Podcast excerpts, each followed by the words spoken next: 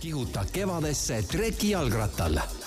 jalgrattapalaviku toob teieni Rademar, liikumiseks loodud. siga taga, siga taga, hei, hei, hei, siga taga, siga taga, hei, hei, hei, jalgrattapalavik.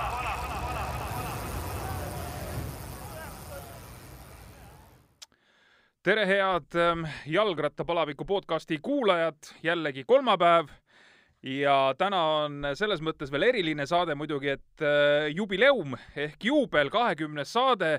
Ja selliseks äh, saateks ei saa noh, ütleme siis niimoodi, et äh, kutsuda päris igaüht külla, vaid peab ikkagi olema vähe erilisem külaline. Ja täna on meil siis Skype'i vahendusel külas Äh, kuidas ma kõige kõlavamalt nüüd ütlen, Euroopa meister, olümpiakandidaat ja, ja need muud tiitlid tulevad äh, veel sinna lisaks tänase vestluse käigus.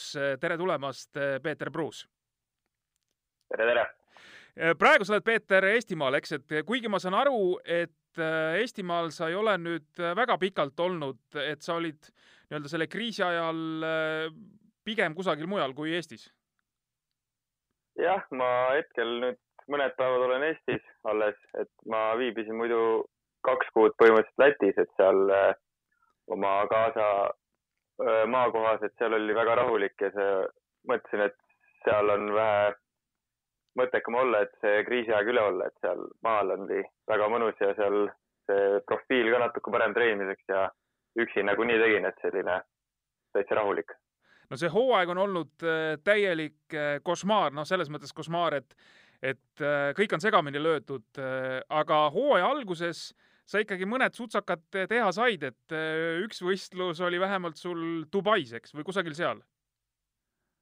ja, et see, see hooaeg on ikka väga ulmeline olnud, et hakkas suhteliselt vara tegelikult minu jaoks, et veebruari keskpaigal käisime siis Dubais esmakordselt minu jaoks toimus seal selline suur võistlus Dubai Hero ehk siis selle äh, Euroopa Hero üks osavõistlus, mis see aasta pidi olema siis kolm tükki neid, aga antud olukorras siis päris Hero jääb ära üldse, et, et ei tea, mis sellest edasi saab. ja siis äh, sain veel teha kuus starti veel, kuna mul oli tuur kuus või seitse päeva äh,, veebruari lõpp ja esimene märts äkki või. et, et selles suhtes sai nagu liikuma juba ja siis nädal hiljem oli kõik pea peale pööratud põhimõtteliselt Dubai, see oli maratonivõistlus, maratonisõit, eks? Ja Dubais oli maraton. ma ei tea, kas ta oli UTSI kategooria ka või ei olnud, et aga kõik see korraldus oli väga kõrgel tasemel ja auhinnarahad olid väga head, et ja noh, reis maksti ka kinni, et siis oli nagu väga mõnus seal käia, et veebruari keskel kakskümmend või noh, ligi kolmkümmend kraadi oli tegelikult seal, et äh, ei, ei saa kurta. ei, absoluutselt, kus sa siis, et veebruaris ja Dubais, et see klapib nagu väga väga hästi. sinu kohta siis äh, tuleks ikkagi jätkuvalt praegu, Peeter, öelda, et sa oled maastikuratta maratonide mees siis või, või sind ikkagi niimoodi päris ei tohiks tituleerida, et sõidad kõike, põhimõtteliselt sõidad kõike? põhimõtteliselt ma jah, olen spetsialiseerunud ikka nende maratonide peale, et nii palju, kui neid on ja tiim on ka meil maratonitiim selles suhtes, et noh, aeg-ajalt me sõidame muidugi seal ka mõned lühemad kohalikud võistlused ja võib-olla ka cross country't X-jood siis, aga põhisuund on jah maraton, aga no nagu näha, siis eelmine aasta sai ka põgusalt maanteele tagasi põigatud, ei olnudki kõige hullem, et noh, selles suhtes, et tiim toetab ka kõiki distsipliine, mida ma soovin teha, et et ka tsüklokrossi sooviks nad, et ma sõidaks, et äh, ja nii edasi, et et, et kui mingi variant on koondisega kuskil käia ja nii edasi, et siis ma olen alati valmis, et, et äh, üldiselt kätt ette ei panda. Äh, millal sa teada said, et sind on valitud nii-öelda varumeheks olümpiakoondisesse? et seda meil rääkis siin, kui podcastil oli külas Jaan Kirsipuu et ütles, et äh, Kangert Taaramäe on siis meil nii-öelda need põhimehed ja kui midagi peaks juhtuma, siis nii-öelda järgmine variant tagataskust oled, oled sina, et millal sa ise sellest teada said? Äh, minu arust oli kas aasta lõpus või siis aasta alguses, et kuna see EOTL-i see lõpetamine oli, et siis oli aasta lõpus äkki. see oli novembrikuus. et siis põgus, ja et põgusalt siis nad, Jass mulle midagi mainis, et nad käisid seal olümpiakomitees Kangerti ja Kangertiga ja siis nad arutasid, et keda panna ja ja siis ma sain teada, et ma olen ka seal, et see oli ikka väga tore üllatus, et äh, šansid on alati olemas, et kui maastiku peal mul ei ole väga võimalust, et siis mingi variant on maantee peal jõuda olümpiale, et see noh, kes, kes seda ei sooviks siis elus läbi teha. absoluutselt, sellel ööl uni tuli ikka või oli ärevus sees, et ma ei tea, et olid hommikuni üleval? ei olnud nii hull selles suhtes, et ega ma ei pidanud seda nii reaalseks selles suhtes, et elame-näeme ja vähemalt kandid või noh, nii-öelda varumees saab, olen ikka ja kõike võib juhtuda. absoluutselt, kunagi ei, kunagi ei tea ette, aga rääg-, kui me olümpia juures oleme, räägime selle korraks ka ära, et, et sina oled see nii-öelda siis maastikuratta äh, maratonide mees, et äh, kas see ala võiks ka kunagi jõuda olümpiale või, või see on ikkagi pigem, ütleme nii, põhimõtteliselt välistatud? minu arvamus on, et ta tegelikult võiks seal olla, et ta sobiks sinna päris hästi, ma eeldan, et noh, selles suhtes, et maanteel on ju eraldi start ja grupisõit, ehk siis miks ei võiks olla ka maraton, et eh, neid maraton on nagu väga are-, arengujärgus Euroopas, ma arvan, ja neid harrastajaid on seal mega palju ja noh, tipp on väike, aga ikkagi selles suhtes, et see võiks jõuda olümpiale, ma oleks sellega ülirahul, et X-os ma ilmselt mitte kunagi ei jõua sinna, sest et eh, selleks ma oleks pidanud eh, spetsialiseeruma juba varem, et noh, see on niivõrd teistsugune ala, et see on nii lühike ja intensiivne, et ja tehnilise poole pealt ma ei ole ka nii hea, et, et seal olla tippkonkurentsis. nii et ütleme, kui maanteel on nii, nagu sa mainisid, et on eraldi start ja grupisõit, siis näiteks maastikurattasõidus võiks olla olümpiakross ja maraton. jah, täpselt nii, et, et noh, ma ei tea, mis aladest sinna nagu nüüd uued alad tulevad, aga ma olen kuulnud, seal on täiesti müstilised alad, mida tahetakse võtta, et noh, rattasport on ikkagi väga traditsioonidega ala, et noh, miks mitte lisada üks distsipliin juurde veel. aga noh, ma, ma ei tea, kas sellest, seda on arutatud üldse või kui, kui reaalne see variant oleks no sa ütlesid praegu, et see maratonide tipp on, on võib-olla suhteliselt selline kitsuke selles plaanis, et kes seal nii-öelda medalitele konkureerivad või, või kõrgetele kohtadele aga sina oled siis praegu, võiks vist ikkagi öelda, sina oled vähemalt Euroopa mõistes selles tipus sees, et ära nüüd tagasihoidlik ole, räägi nii, nagu asjad on. jah, see tipp on äh, aastaid juba olnud niisugune kitsuke ja ega väga palju neid noori sealt peale ei tule. et probleem on kindlasti ka selles, et äh, rahastus läheb suuremal määral sinna cross-country peale, et see on nagu olümpiaala just sellepärast. ja, ja need, kes seal on, on üldiselt niisugused äh, vanemad meesterahvad, kes on igalt poolt mujalt tulnud või ongi tegelenud terve elu maastikuga. aga jah, võib ka öelda, et ma olen seal ikkagi tippude hulgas, et viimaste aastate tulemused on näidanud, et äh, suudab konkur konkurentsi pakkuda ja, ja võiks küll öelda, et äh, noh, niimoodi kümne seas ma olen ikka seal äh, igast asendist peaaegu, et MM-id pole muidugi õnnestunud, aga muudel võistlustel nagu üldiselt võib poodiumikohtade pärast võidelda küll. no sa oled kahe tuhande kuueteistkümnenda aasta Euroopa meister. see toimus siis äh, Siguldas, eks Lätis? Äh, just nii. ütleme, ütleme, et see, kui seal veel tekkisid mingisugused kahtlused, et jälle noh, nii-öelda see kodune variant, ütleme nii nagu kaks tuhat üheksa oli, kuigi Sigulda rada on ikkagi hoopis mägisem, kui, kui oli see Tartu või kui on Tartu maraton et okei okay,, või, võid ikkagi öelda, et noh, jälle siin kodus jälle, aga eelmise aasta pronks eh, juba siis eh, Norras eh, Kvammi Lillehammeri trassil. et ja sealt ka kuld vaid üheteistkümne sekundi kaugusel, et sellelt pinnalt ikkagi tuleb öelda, et tänasel päeval minu meelest oled sa ikkagi sellel distsipliinil no selgelt ikkagi Euroopa paremikku kuuluv mees. jah, see Sigulda see võis olla nii ja naa, aga noh, seal olid tippmehed samuti kohal, et ja suurtemate tiimidega, et seal õnnestus kuidagi kõik niimoodi omasoodu ja ma ei tea, ilmselt see viimase lõputõus oli ka nii tuttav, et ma noh, ma olin juba õnnelik, et ma olen kolme hulgas, et seal ei olnud nagu mingit mõtet, et ma võiks võita, aga see enne lõpukurvi seal see metsik rahvamass ja kõik elasid mulle kaasa, et niisugune kodune tunne oli, et siis äh, ilmselt sellepärast ta tuli. Ja eks siis olid ajad hoopis teised ja see maastiku peal ma proovisin veel käia MM-il ja seal, aga noh, siis ma ei olnud selleks ikka valmis veel. et, et äh, viimased need paar aastat, kui ma olen nüüd Itaalias sõitnud, see on ikkagi tugeva arengu andnud, et ja just see elamine seal ja nii edasi. ja kui Lillehammeri juurde või selle võistluse juurde eelmise aasta E- EM-i juurde tulla, et see oli endale veidi üllatus tegelikult, et ma ei teadnud, et ma võiks olla nii heas vormis, et sinna jõudmine üldse oli nii ja naa, et tiim ei olnud rahul mu tulemustega enne ja väga ei tahetud mind sinna saata ja võib-olla läbi trotsi niimoodi kuidagi kõik õnnestus, aga noh. ja see kuld ei jäänud tegelikult üldse kaugele, et mul olid üllatavalt head jalad ja väga hea tunne, et ma tegelikult olin valmis võiduks ka. et mul oli väga palju ebaõnne sellel sõidul, et seal tehnikaga jupsis ja ühe korra vahetasin jooksu ja siis kett kukkus millegipärast kuus korda maha, et no põhimõtteliselt sinna ta jääks, et ma jälitasin terve päeva, et aga ma olin medali üle väga rahul, sest et eh, näitasin ka tiimile, et eh, et midagi suuremat suudan ka ära teha nende särgis, et see oli kindlasti üks aasta suuremaid kordaminekuid ja viimase kolme aasta ilmselt ka. nii et ma saan aru, et tegelikult sa olid kõige kõvem mees, et äh, poleks see tehnika jupsinud, siis ülejäänud oleks sind taga ajanud. Ta on äh, ilmselt küll, aga no eks Ferreira oli ka ikka väga tugev ja ta raiskas ennast ka päris palju, et äh, kui ta ründas, olid mul jalad ikkagi läbi, et äh, aga noh, ma ei, raske öelda, et kindlasti ma olin väga-väga heas vormis. et, et ma ei ütle, et ma sada protsenti oleks võinud võita, aga võimalus oli selleks väga olemas.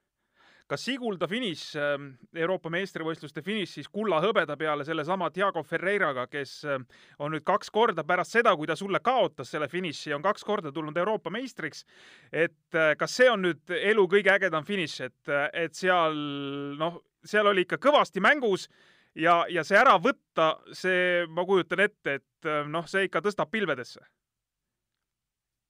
seda tunnet, kui sa nüüd räägid sellest päevast, siis ma kui ma mõtlen sellele päevale, siis mul ja seda pilti vaatan finišist, mul tulevad nagu külmavärinad peale, et see oli ikkagi metsik eh, elamus ja see emotsioon sealt finišipildil, kui mu käed üleval, see oli nagu puhas emotsioon, et sealt on seda näha ja, ja just seda teha nii kodu lähedal ja kõik elavad sulle kaasa, et see oli nagu uskumatu, et sellist, sellist tunnet pole, ma arvan, teist korda veel kogenud, et ma arvan, et selline on, kui sa võiks võita MM-i näiteks, ma arvan, järgmine kord, kui mul see võiks õnnestuda, et see on mu üks suuremaid eesmärke kindlasti ma arvan, et seal oleks võib-olla samasugune tunne või veel võimsam.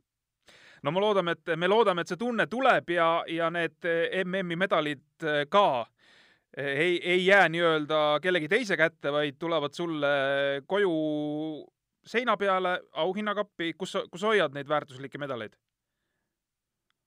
ma hoian kodus mul on siin niisugune riiul, kus ma kõik medalid ja asjad on üleval. nii, mina, mina näen aga... nüüd seda riiulit, jaa. Et, et muidu, muidu mul särk on ka ja see särk ei ole hetkel siin, aga medalid on niisuguse tehtud selline asi, kus ta ilusti särk seisab ja medal ripub, et see on aukohal, et vaatame, kus ma selle kunagi panen, et kui täitsa oma, oma man cave nii-öelda kuskil on, siis need lähevad kõik sinna seina peale kindlasti. nii, kuule, aga jõuame nüüd, Peeter, selle juurde ka, et kuidas üldse jalgrattaspordi juurde jõudsid, sa noh, sa oled pärit äh, Raplast või Rapla külje alt. ega seal vist äh, ei ole olnud sellist pikka jalgrattasõidu traditsiooni, et äh, küll hakkasid mingil hetkel vist nagu võistlused sinnakanti tulema, et kuna seal maastikku on ja, ja sellist loodust, et äh, räägi nüüd oma lugu ära, ma saan aru, sa oled täiesti selles mõttes niisugune noh, nii-öelda kõrvalt tulnud äh, mees, et äh, täiesti erilise käekäiguga. jah, et see on väga pika vinnaga, kui ma sinna, kuidas ma sain, et esimest korda ma käisin võistlemas, ma arvan, kaks tuhat aastat, et siis need alg-, algasid need võistlused, seal oli Tammemäe kapp äkki või midagi sellist, et olid siin ümbruskonnas mingi sari, neli-viis osavõistlust lihtsalt sõpradega sõitsime ikka ratastega ringi, siis vaatasin, et sõidavad Raplasse, ütlesin, et kus lähed, et noh, ma tulen ka siis kaasa, et aa, võistlustele, okei okay,, lähme siis, et noh, kiivari võtsin kaasa ja läksime. ja siis õnnestus see võita ja noh, eks sealt see huvi tuli. aga tol ajal, noh, see on juba kakskümmend aastat tagasi siis põhimõtteliselt või kaks tuhat kaks, ma täpselt ei mäletagi. aga siis ma käisin jalgpallitrennis veel ja siis oli nagu raske otsustada, et eh, mida peaks tegema, et eh, meeskonda nagu ei tahtnud alt vedada ja noh, ega mingit trenni, rattarinni ka ei olnud, et noh, nii palju, kui ma jalkat mängisin, siis käisin vahepeal võistlemas. noh, võidud tulid lihtsalt niimoodi või mingid poodiumid kohal, kohalikel sõitudel. ja niimoodi aastaid käis, et eh, lõppude lõpuks siis, kui ma seal ikkagi hakkasin pähe saama nii-öelda võistlustel endast võib-olla mitte palju tugevamate käest, siis oli ka mõte, et võiks nagu trenni ka teha vahepeal eh, rohkem. nii et ütleme, sellised esimesed poodiumid, ma saan aru, et need tulid ikkagi rohkem noh, nii-öelda ilma spetsiaalse treeninguta, jah? ja lihtsalt põhimõtteliselt eh, võib-olla siis selle andev, ma ei tea, mille pealt, et lihtsalt, et käisin võistlemas ja siis võib-olla mängisin jalkat, et noh, jooksmist, et ega ma väga midagi ei teinud ja siis ma olin selline pigem pontsik ja paks poiss, ütleme niimoodi, et eh, ja eks, eks siin tekkisid ka mingid vastasseisud, olid eh, ühe aasta poisid peaaegu põhimõtteliselt Janari Joel Jõessar ja Martti Alesmaa, et need olid põhikonkurendid siin ja siis mõned Rapla poisid veel. ja nemad hakkasid seal Tallinnas trennis käima ja siis noh, nad said ikka tugevamalt, väga palju tugevamaks ja tehnika läks ka neil kohe paremaks ja nii edasi. ja kõik see jalkaga nagu käsikäes käis ja ma arvan, et niisugune keskaja lõpuni enam-vähem, siis ma ma arvan, et kaksteist klass või noh, enne kui ma ülikooli läksin, siis, siis ma nagu tulin jalkast ära, jalgpalli enam ei mänginud, aga noh, nii süstemaatiliselt veel ei treeninud ikkagi, et noh, mingit plaani mul otseselt polnud, et võib-olla äh, Peeter Tarvis seenioriga seal mingid, mingid jutud olid ja vahepeal käisime sõitmas, et noh, mingi aeg, kui ma noor poiss, siis sai tema tuules nii-öelda inisetud ja, ja nii edasi, et äh, nendega sai võistlustel käia ja nii ta kuidagi läks vaikselt, et äh, ja siis mingi kaks tuhat kümme, ma arvan, äh, kaks tuhat üheksa, siis ma mõtlesin, et sain kontakti Audentese selle treeneriga, äh, Puusepaga. ja siis ma käisin, suhtlesin temaga ja ta aeg-ajalt noh, juhendas mingit otsest plaani polnud, aga juhendas mind kuidagimoodi. ja nii ma siis tegin trenni ikka enam-vähem korralikult ja ülikooli kõrvalt noh, sada protsenti see polnud muidugi. ja noh, siis need ma olin U kakskümmend kolm, et siis ma need eh, Estonian Cupi sarjas sõitsin ikka ja sealt need mingi hetk hakkasid need poodiumid ja tulema, et, et meil oli tegelikult päris tugev konkurents oli. Läti poisid käisid eh, päris palju võistlemas ja ikka oli raske võita neid U kakskümmend kolme. Ivo Suur oli tol hetkel väga-väga tugev ja noh, massad ja need nendest rääkimata, et nendega oli ikkagi tükk tegemist, et esimese etapi võiduni ma ma jõudsin tegelikult alles mingi kaks tuhat neliteist või viisteist, ma arvan, et noh, midagi sellist. Ja noh, niisugune juhuste läbi siis äh, läksin ma kaks tuhat kaksteist juulis võistlema seebisarja Läti, Lätti, et siis äh, kuidagi seal juhtus nii, et jäin kolmandaks minu arust. Ja seal oli Reetu Mudim ka peal ja pärast seda siis asjad seal arenesid niimoodi, et ma sõitsin järgmine aasta Reetumu särgist või juba sellesama aasta lõpus. nii ma sattusin siis maanteele. ja oota, Peeter, ärme nüüd nii kaugele lähme, käime korra veel selle, selles mõttes alguse läbi. sa mängisid keskkooli lõpuni jalgpalli? jah. Äh, kui hea sa jalgpallis olid? Äh, ma olin niisugune keskpärane, ma arvan, et ma sain paremaks siis, kui ma rattaga hakkasin rohkem sõitma kuna siis hakkas kaal kange, langema ja vastupidavus läks palju paremaks. aga ma olin, noh, mitte väga tugev, selline, mis me olime seal kolmandas liigas, ma arvan, noh, midagi sellist, et mingi eriline talent ma polnud, et aga oma, oma tiimi eest sai mängitud seal keskkaitses pool, ja poolkaitses ääre peal. et, et mingid karjääristatistika mega ei ole, et mulle meeldis rohkem see sisejalgpall, seal, seal ma sain nagu kuidagi rohkem hakkama veel. aga noh, see, seda karjääriks ei saanud nimetada, et see ei oleks kuskile viinud, kindlasti. nii et Eesti koondise jalgpallur kaduma ei läinud? ei, ei kindlasti mitte, et see, see asi oli sellest kaugel, et põhimõtteliselt noh, niisugune, no tol ajal oli see FC Flora ikkagi, kui me noored olime, et see Kehtna jalgpallikool, seal me käisime, aga kõik nagu oli enam-vähem, aga kellegist nagu väga midagi ei saanud ka sealt, et mõned poisid võib-olla jõudsid meistriliigasse lõpuks, aga need olid vähe nooremad minu arust. et, et äh, sellist talenti jalkas kindlasti polnud. Äh, jalgpalliga seoses põikame korra Itaaliasse ka, sa oled nüüd, nagu sa juba varasemalt mainisid, et sa oled Itaalias äh, nüüd viimased aastad sõitnud, seal jalgpallioskusi on vaja läinud, oled sa seal meestele natukene õpetusi jaganud või? ei, ei olegi, kusjuures seal mingit sellist asja pole olnud.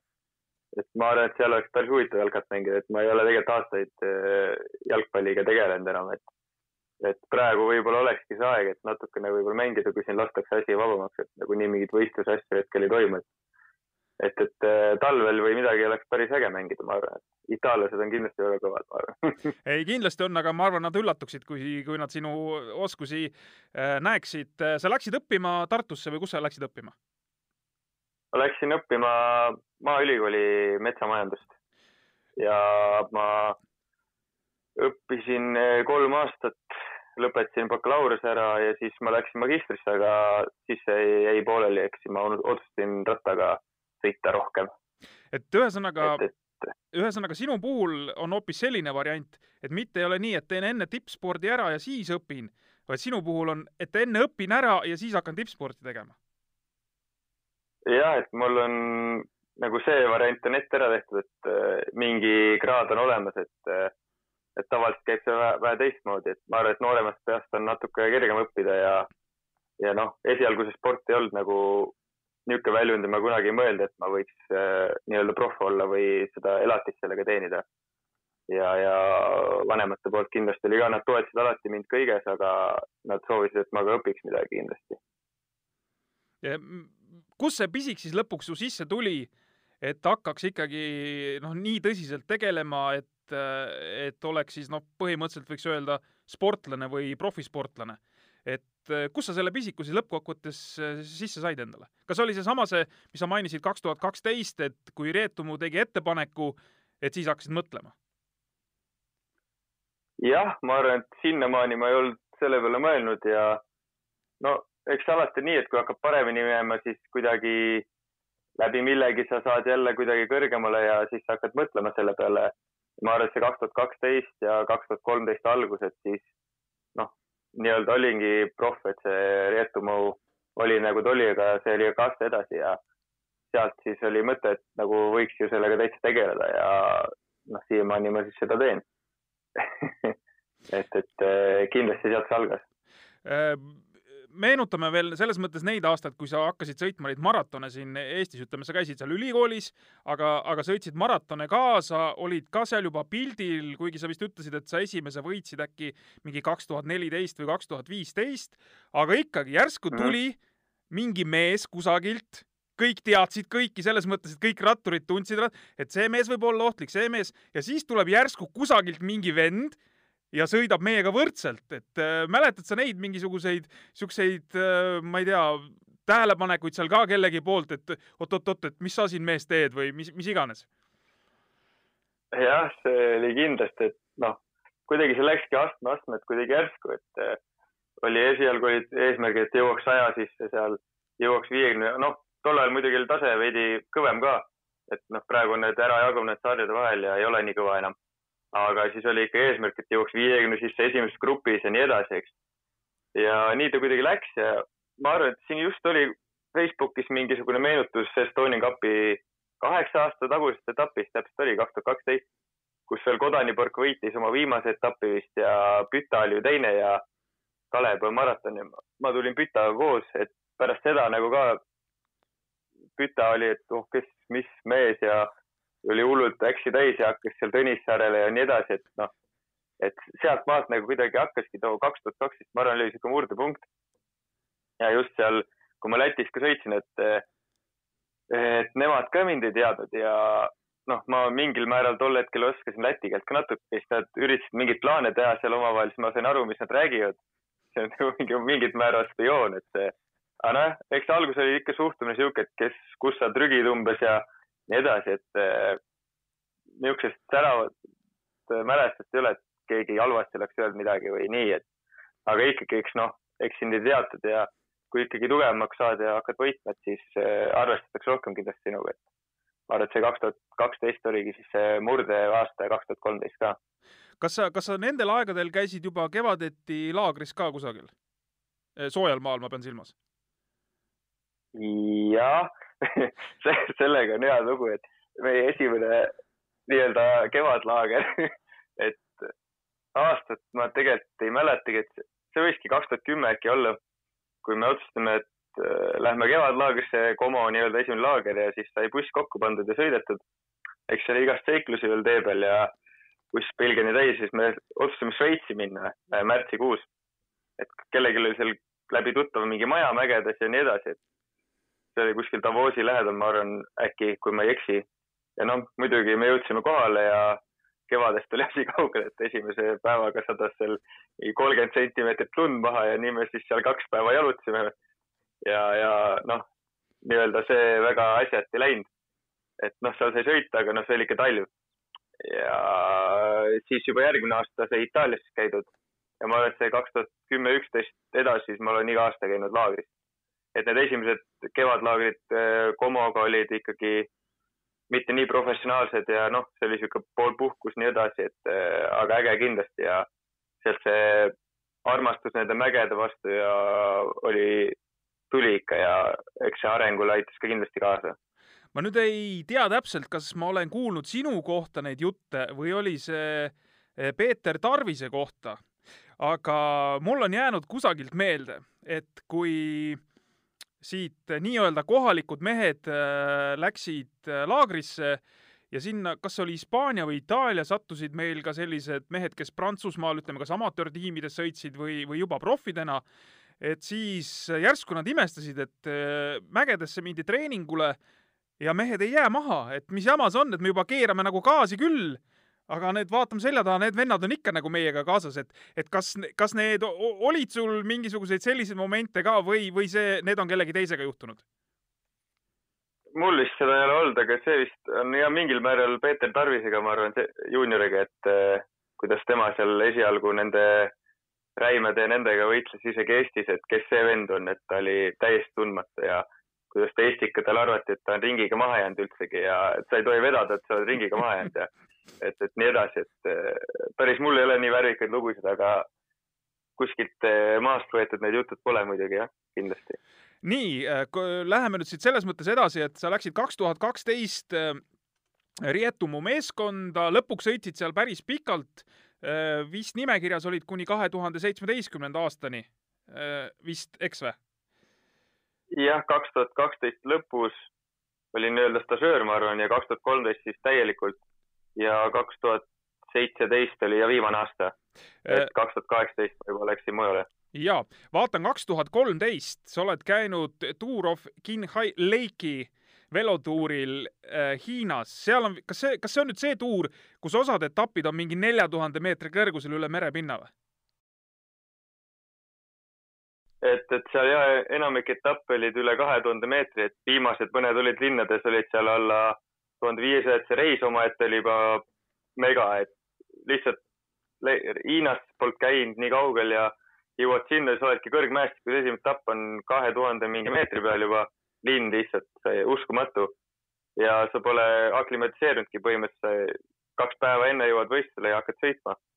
ja noh, muidugi seal olid need kurikuulsad iraanlaste tiimid, kes lihtsalt nagu päev, neil oli liider ja päev otsa lihtsalt hoidsid viis, viiskümmend tempot, et noh. ja sa sõitsid kogu aeg kahe tuhande viiesaja meetri kõrgusel umbes ja siis hakkas mägi, mis läks nelja tuhande kahesaja peale. et kogu see elamus nagu oli uskumatu ja see jääb eluks ajaks meelde, et, et, et äh, jah, sellist tuuri ma arvan elu sees ei sõida enam. No seal, ma saan aru, need Iraani mehed, keda sa mainisid, mõned mehed jäid seal õige pea dopinguga vahele ka, aga seal sellel samal tuuril ma vaatasin, oli tegelikult nüüd hilisemalt päris kõvasid proffe ka peal. eks tookord nad olid väiksemates tiimides, aga, aga sealt äh, vaatasin, et, et ikka päris, päris nimekaid mehi oli nii-öelda noh, edaspidi vaadates, mida nad teinud on. jah, seal ma ei oska näiteid tuua, aga minu arust tol aastal, aastal oli see Belkini tiim ka või mis ta nimi oli siis ja, või itaallased olid ka seal mõned pro-kondid kindlasti. Nemad seal ka karjusid, et see ei ole normaalne, et see on uh, it's motor racing põhimõtteliselt. et, et jah, kindlasti proffe on sealt tulnud ja sihuke väiksem tunt-, vähem tuntud on see Grossu, Edward Grossu, kes võitis kindlasti etappe päris palju, kes on aastaid sõitis Itaaliast pärast. Ja, ja jah, need suured profid siis Itaalia, Lampre isegi äkki oli seal. ja Saša Modolo Et- ma vaatasin, oli näiteks üks nimi, kes Jaa, mul sealt meelde jäi. ta võitis põhimõtteliselt kõik siledad etapid jah, enam-vähem, mis seal olid. et noh, see World Touri tase oli ikka hoopis teine. ja seal nägi kõike põhimõtteliselt. aga nemad olid ka üllatunud sellest iraanlastest, et sellest, sellest ei saa üle ega ümber. kuule, aga sa ise sõitsid selle lõpuni, ma vaatasin, see koht oli vist seal mingi seitsekümmend või mis iganes, et äh, vahet ei ole, aga, aga kas sa, sa said aimu, et mäed või, või ütleme, mägedes sõitmine sobib sulle või sa olid sellest juba varasemalt aimu saanud? ei, ma seal, jah, ma ei oska öelda, et seal mul läks ikka päris raskelt. eks me ei olnud valmis selleks kuidagi ja eks eh, nii kõrgel tasemel sõitmiseks sa pead olema ikka igatpidi valmistunud ja mäestikulaagritest me ei olnud kuulnud ka, ma arvan, noh. ja et, et eh, mägedes läks kindlasti raskesti seal, et tol hetkel ma ei mõelnud, et ma võiks roni, ronida hästi, kuna ma arvan, et ma olin siis eh, oma praegust võistluskaalust mingi neli kilo raskem, et no see on ikka suur vahe ja seal noh, selliste meestega koos sõita ei ole kerge. ma arvan, et see mägedes ronimine avaldus hiljem, et kui ma nagu rohkem laagrites hakkasin käima ja Reetmu tiimiga seal Hispaanias tegime trenni rohkem, et siis hakkas nagu see areng toimuma seal ka. et, et äh, sinnamaani nagu ei olnud tõesti mõelnud selle peale no sul tuli kõva pauk, tuli kahe tuhande viieteistkümnenda aasta novembrikuus, siis kui noh, tegelikult siin enam rattaga ei sõideta. sa olid Rietumu meeskonnaga Malaisias Borneo saarel, sõitsid võidu ja võitsid velotuuri. et äh, mis sõit see oli selles mõttes, et äh, miks te novembrikuus veel kusagile sõitma läksite ja nii edasi, et räägi nüüd sellest ka natuke. et meil oli tiimis niisugune huvitav mees nagu Lars Priia, ka ta on Saksamaal elab ja ta on vist ka tegelikult rumeenlane. ja temal olid ilmselt mingid kontaktid seal Hiinas ja tänu sellele me saime ka Tšingai leigile ja Tour of China'd ja kõik, kõik, mis need suured võistlused, Haianil käisime, kus olid samuti need Belkini mehed ja asjad peal. Ja seal me isegi kaks korda käid minu arust. ja kogu see Hiina kalender, et noh, see hakkas nagu ka meeldima ja tol aastal minu arust me mõtlesime, et me lõpetame hooaja nagu puhkusega, et Malaisia tuuri ka teeme ja meil olid juba kõik nagu book itud seal pärast eh, nädal või kümme päeva, ma ei mäleta, palju me jäime sinna. et see, see võistlus nagu oli meile sihuke relax tegelikult noh, nii-öelda. et, et me otse Hainanist siis sellelt, see oli ka kümnepäevane vist või seitsmepäevane tuur. Et sealt nagu oli juba hea hoo üles saanud ja lendasime sinna ja noh, saabudes see Malaisia, saime aru, et see ega mingi väga kõva tasemega pole, et niisugune pool puhkuse tuju oli juba sees ka. aga esimene oli niisugune eraldi etapp ja noh, suht sileda peal mõned künkad ja siis mingisugune keegi Austraalia mees vist võitis selle ja meie mehed olid seal kolmikus, eks.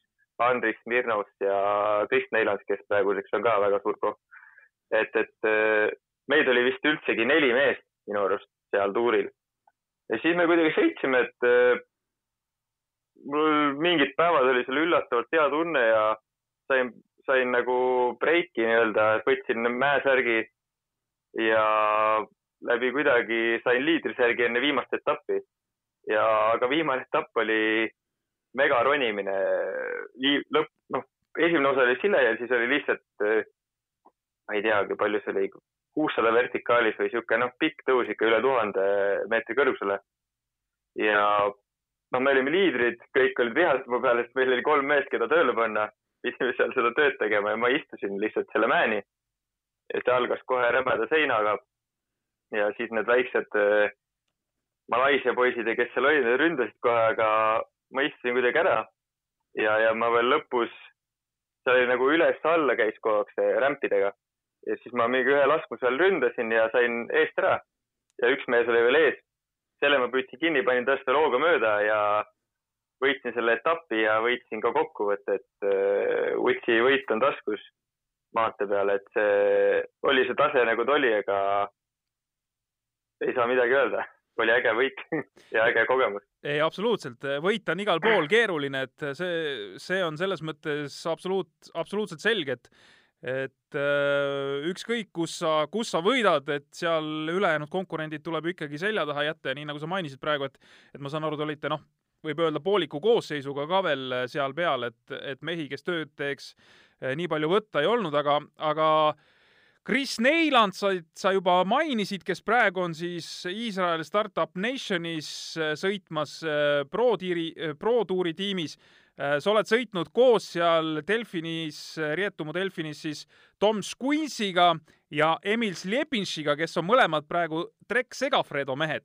et sa oled siis või sa tead läbi ja lõhki, ütleme, neid praeguseid Läti tippe, et sa oled nendega, ütleme, aastaid koos sõitnud? jah, äh, Tom Squinsiga sõitsime ainult ühe aasta koos minu arust.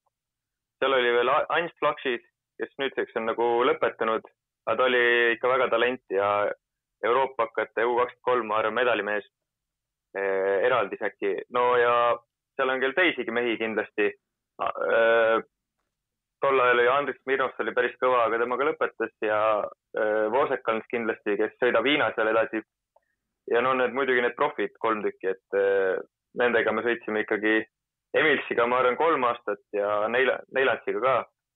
et, et noh, sealt oli ikka näha, et meestel on ma arvan, et kõige vähem talendikas on neist kunst.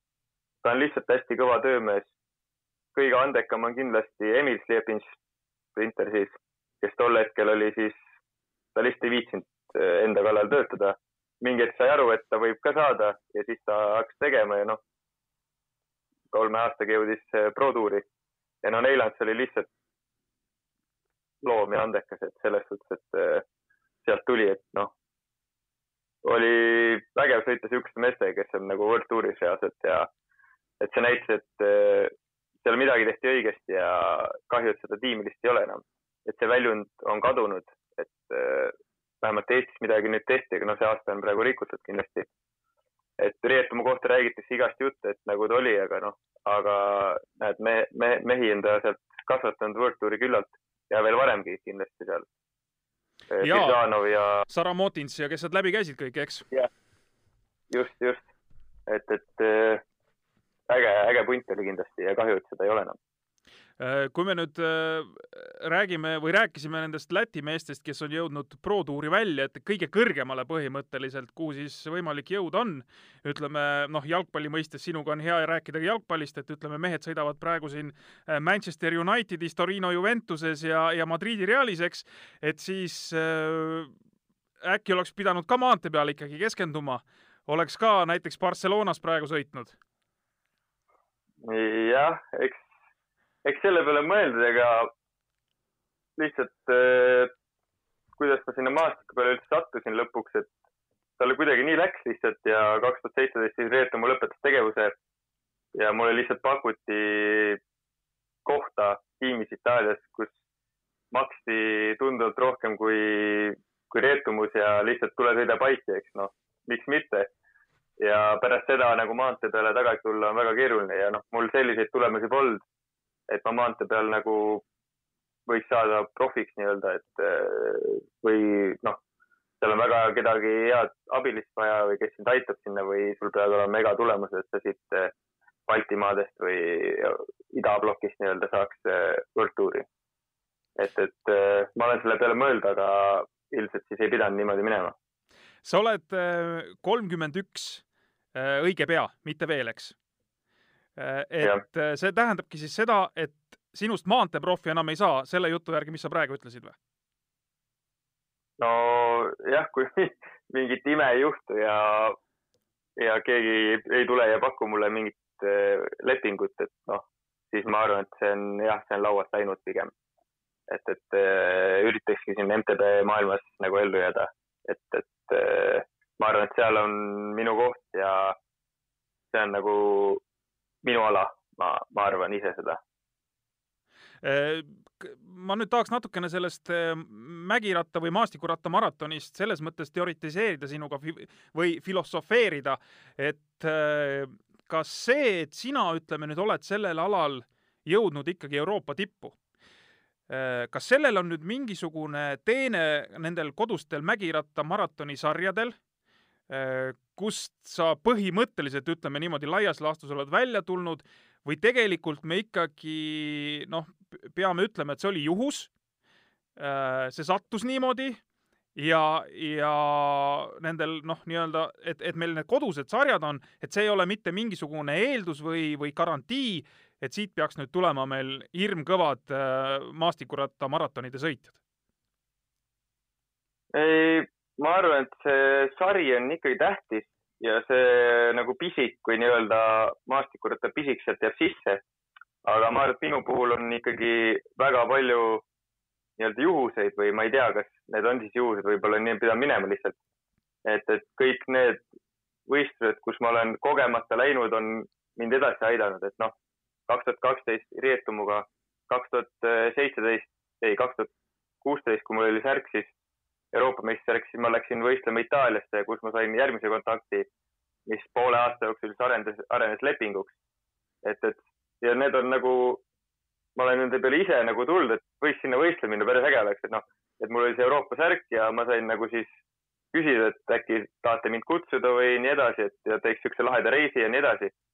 et, et äh, kindlasti on see juhused, aga samas ma arvan, et see maratonisari on ka kaasa aidanud sellele, et ma niimoodi sõidan ja noh, eks see, et see Euroopa meistrivõistlused üldse toimusid Lätis nii lähedal ja see oli nagu minu tiimi poolt korraldatud põhimõtteliselt see noh, see on kõik kuidagi loksunud paika omamoodi, et, et sinna Euroopa tippu, ma arvan, noh, võib ka jõuda teistpidi, et aga noh, päris ilma maastikusõiduta on see keeruline, et et, et selle väljundi leidmiseks oleks vaja sõita rohkem Euroopas, aga selleks on raha vaja ja noh, maratonide maailmas on vähe raha ja selleks sponsoreid leida on väga raske. et mul on lihtsalt õnne olnud ja läbi juuste on mulle sponsorid on mind toetanud, et käia MM-il, EM-il omal käel vanemate rahaga ja nii edasi, et, et see on suur töö ja kindlasti on väga palju abikäsi olnud selle et see kõik saaks teoks. et jõuda Euroopa tippu, et, et äh, sa, sa tol aastal, kui sa tulid Euroopa meistriks äh, mägirattamaratonis siis kaks tuhat kuusteist, sa sõitsid või esindasid Eestit ka maanteesõidu Euroopa meistrivõistlustel. see oli vist kusagil Prantsusmaal, eks? ja. jah. nii? jah, see kaks tuhat kuusteist siis oli üpris hea aasta ja siis äh, Kirsipuu kutsus mind ka EM-ile, kuna meil oli päris palju kohti. ja see oli niisuguse profiiliga sõit, kus oleks võinud äh, midagi ära teha või aidatagi kedagi. ja see toimus jah Prantsusmaal, ma ei mäleta, kus kohas, aga see oli ka niisugune üks tõus. ja see oli mu esmakordne kogemus, päris, päris äge oli rinda pista nende kõikidega, et seal Sagan võitis. isegi ma suutsin midagi ära teha seal, et ma eelviimasel või kaks ringi enne lõppu saadi see suur breik kätte, kus oli Risto Raid meie poolt sees minu arust. ja siis jäädi seisma ja selle suure tõusu peal siis ma läksin paar meest ja siis ma läksin kaasa. ja ma sain mingi Fabio Aru ja mingi selliste meestega kümne-kaheteist mehega äh, eest ära. ja aga siis kütus sai otsa mingisugune ring enne lõppu, et, äh, et see oli kakssada kakskümmend või kolmkümmend kilti ja üle kuue tunni sõit ma ei olnud päris selleks valmis ilmselt, ei olnud selleks nii valmistunud.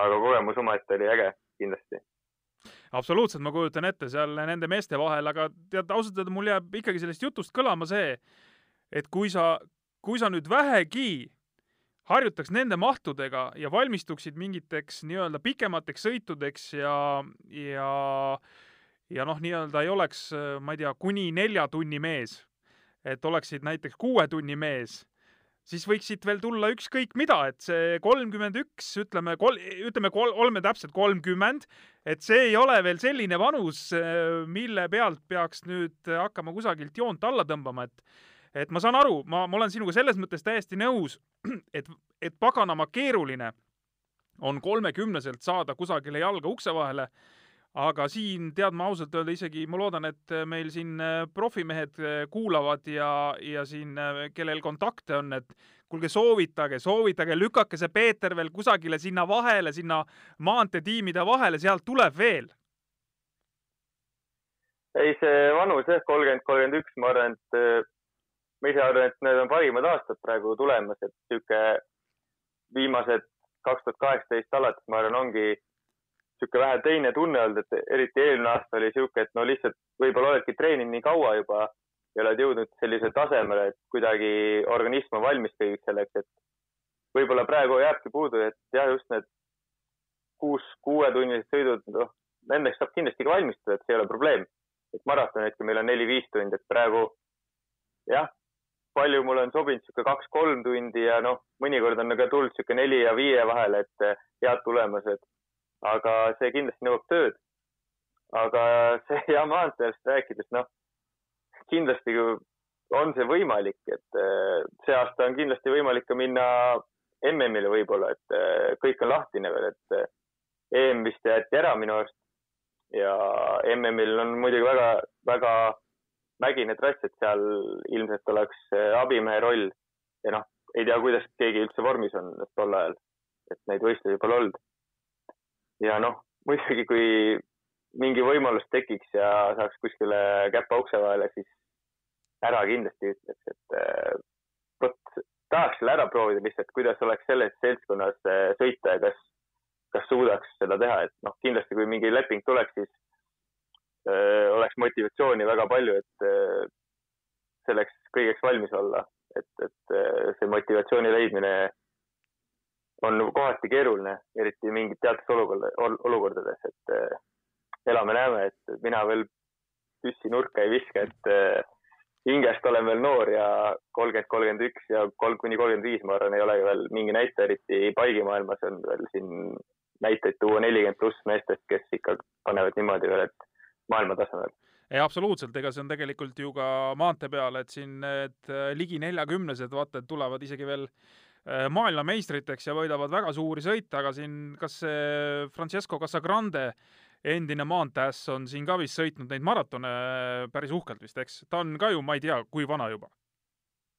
tema on üks uskumatu mees, et äh, näeb samasugune välja viimased viis aastat või kümme aastat või mina ei tea, kakskümmend aastat, et minu arust on ligi, ta on äkki kuskil massa kandis või ta on viiskümmend, ma arvan. või no umbes too sinna umbes kanti, ta viiskümmend peab olema ja, ja, ja. et, et see mees on uskumatu, ma ei tea, kuidas ta nii jaksab ja lihtsalt ta on, jah, temal on ikka väga raske kohati vastata, eriti nendel kohalikel võistlustel kaks-kolm tundi aasta alguses on ta mega, megad liiguvad, aga no maratonidel ei ole väga näidanud midagi, pikematel ja suurematel üritustel. et siuksed eh, kohalikud Toskaana kahetunnised, siuksed tuhat viissada tõusu ja seal lihtsalt vanamees lihtsalt jätab kõik maha, noh, et ei tea. No need paar, ega, ega see need paar tundi ongi, et eh, kui me siin võtame, et eh, võida kodus eh, Urmas Karlssonit paaritunnisel võistlusel ka jube keeruline onju. jah, just nende Eesti maratonide juurde tagasi tulles, et need ongi sihuke kaks tundi, et siin selliseid mehi, kes seda jõuavad nii kõvasti sõita, on ikka päris palju, et olekski ikka sihuke kaks, kaks pool, kolm, siis hakkavad vahed välja tulema suuremal määral, et natuke, et mul siin maratonidel ei olegi väga varianti, et ma pean algusest peale võimalikult raskelt sõidu tegema, et, et midagi korda saata, et eh, ja noh, maanteesõitudel on vähe teistmoodi kindlasti, seda ei saa võrrelda, et noh, kui tulla tagasi selle juurde, et miks ma maanteel võib-olla ei ole suutnud midagi teha, et seal võib-olla minu sõidustiil ja ei ole päris selline, et, et seal midagi ära teha, et ma ilmselt olen, teen palju tööd ja raiskan ennast. et, et äh, ei ole nii tark sõitja või niimoodi, et ei oska ennast säästa. kui hea päev on, siis sa kütadki seal ees nii-öelda ja aga pa- paigimaailmas vaadates on see mina vaatan juba, et nemad on veel hullemad, et eh, tugevad mehed lihtsalt panevadki päev läbi ees ja neil pole vahet, tahavad olla siis mina istun taga ja mul on hea. et noh, mingil määral see maanteetarkused on aidanud ja see kogemused on kindlasti head. Pole, pole kahjuks tulnud. absoluutselt. Ja eelmisel aastal sa siis ju said ka oma esimese medali Eesti grupisõidu meistrivõistlustelt hõbeda, et et no see kuld on veel tulemata, aga sul on neid võimalusi, ma usun, siin veel päris palju, kuigi eks sul on vist natuke seda trassi ka vaja, sul noh, selles mõttes, et ikka mi- mingisugused tõusukesed peavad sees olema, et ütleme, kui siin nüüd, ma saan aru, sel aastal tulevad või on plaanis Keilas teha, ega seal Keilas sul ikka šanssi vist ei ole jah, et äh, see aasta kuidagi läks hästi, oli hea vorm tol ajal, et äh, eelnevad võistlused olid ka olnud head rasked. ja no trass oli väga meeldiv üle pikk, pika aja, et Eestis pole nii rasket Eestikaid olnudki minu mäletust mööda. et, et ja noh, mõned nüansid võib-olla jäid puudu, et oleks võinud selle kullaga ära võtta, et, et Alo oligi võib-olla kavalam ja lõpuks ka tugevam ja teravam, et, et äh, nagu ma räägin, see raiskamise teema ja nii edasi, et aga trass oli vinge ja rohkem võiks olla siukseid estikaid. Keila kohta ma ei oska tõesti midagi öelda, et äh, seal vist on täiesti sile, ma arvan, et seal ei ole vist midagi. et seal on kindlasti tuleb sihuke tavaline estikate värk, et sõidad kohe, sõidab mingi grupp minema ja siis kas hakatakse ründama lõpus või jääb siis finiši peale, et siis on seal teised mehed, kes võivad ära teha, et noh, aga oleneb finišist, kui natukene veidikene tõusev, et ma ei mata ka oma variante maha, et noh, muidugi saab ka rünnata enne lõppu, et noh, minu tugevus päris sprint ei ole, aga niisugune raske sõit, eh, seda ma suudan kannatada, ma arvan. nii, meil on eh, viiskümmend minutit lobisetud, eh, hakkame kokku tõmbama otsi, et sinu, ütleme, kui nüüd siin võistluskalender lahti läheb, praegu ma saan aru, Äh, maastikuratturitel vist midagi veel nii-öelda konkreetselt fikseeritud ei ole, vähemalt äh, rahvusvahelises kalendris. maanteemeestel on siin mingisugused asjad paika pandud, et äh, kui nüüd läheb võistlemiseks mingil hetkel, kas sulle tundub, et pigem hakkab see võistluskarussell sinu jaoks kusagil siin Eestis või kusagil lähedal või hakkavad mingisugused suuremad võistlused kohe peale? esialgu nii palju, kui ma olen vaadanud neid uudiseid ja olukordi, et tundub, et seal Itaalias vähemalt on väga see seis ikka kehva, et seal isegi ei ole kindel, kes üldse hakkab, noh, et eh, nii palju, kui ma olen tiimiga rääkinud, et seal on olukord ikka natukene käest lastud. ja noh, meil ei ole tõesti mingit utsi maastikuratta kalendrit ei ole välja toodud, seal ka vist X-joos jäid MM-i või EM ära. et meil pole veel neid nagu nii-öelda ära jäetud, aga see teine hooaja pool on väga lahtine aga praegu tundub, et Eestis isegi ma arvan, et juulis äkki hakkab midagi peale, just need eh, maratonisarjad või mida iganes. et siis ma, kui ma tol hetkel veel siin olen ja ei ole veel läinud äh, treenima mujale, siis ma kindlasti alustan siin võistlemist. et äh, koduradadel mõnus ja praegu isegi Estonian Cup korraldab esimesed kaks etappi nii-öelda virtuaalselt või et sa võid, lähed teed oma ära ja siis pärast saad tulemuse kirja et, et äh, seda ma hirmsasti ka teen, kuna Rapla sõit on seal sees, et see on siinsamas mul.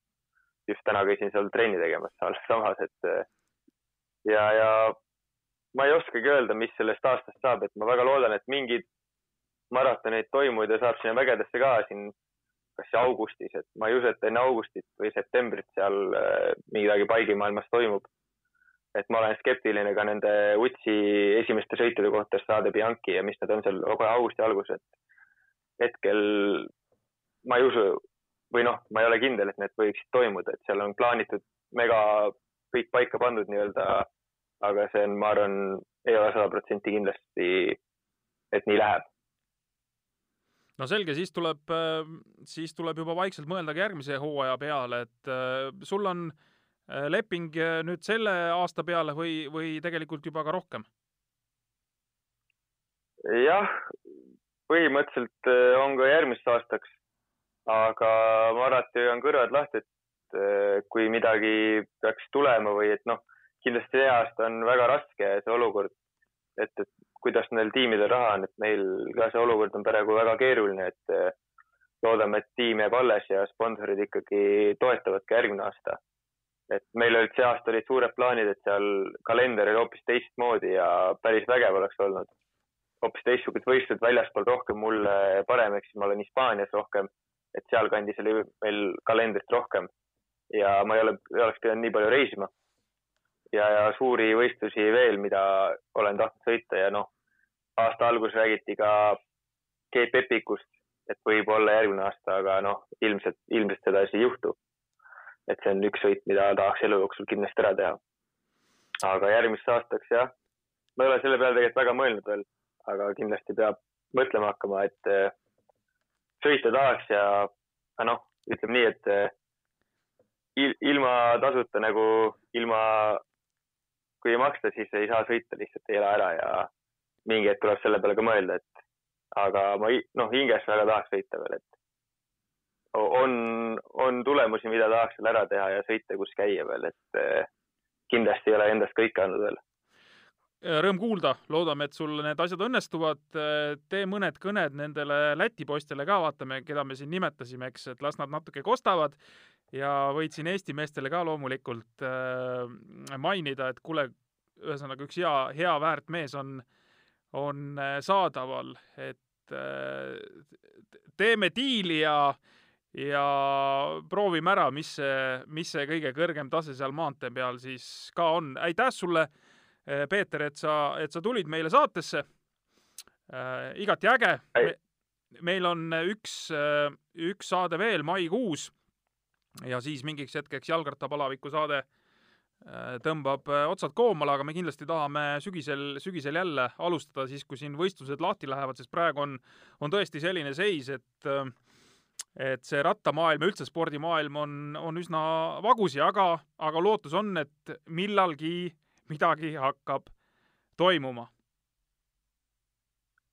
aitäh kutsumast ja oli väga tore õhtupoolik, et loodame, et on tore ka kuulata teistel ja loodame, et asjad lähevad ikkagi lahti ja saab võistlema ja tuleb tore suvi ja teine aastapool. absoluutselt ja isegi, kes mängib keskkooli lõpuni jalgpalli, see võib tegelikult ikkagi rattaspordis päris kaugele jõuda, nii et ärge laske pead norgu, kui tuleb üsna hilja see mõte, et tahaks hakata rattaga võidu sõitma, tehke seda ja ei pea võidu sõitma, võite ka niisama sõita, enda lõbuks käia metsal, maantee peal, mis iganes rattasport aitab teil hoida toonust, hoida vormis ja see läbi selle tuleb äh, rõõmus meel ja hea tuju. nii et tänud kuulamast, meie järgmine saade on kavas täpselt nädala aja pärast. nägemist. nägemist. kihuta kevadesse treki jalgrattal. jalgrattapalaviku toob teieni Rademar, liikumiseks loodud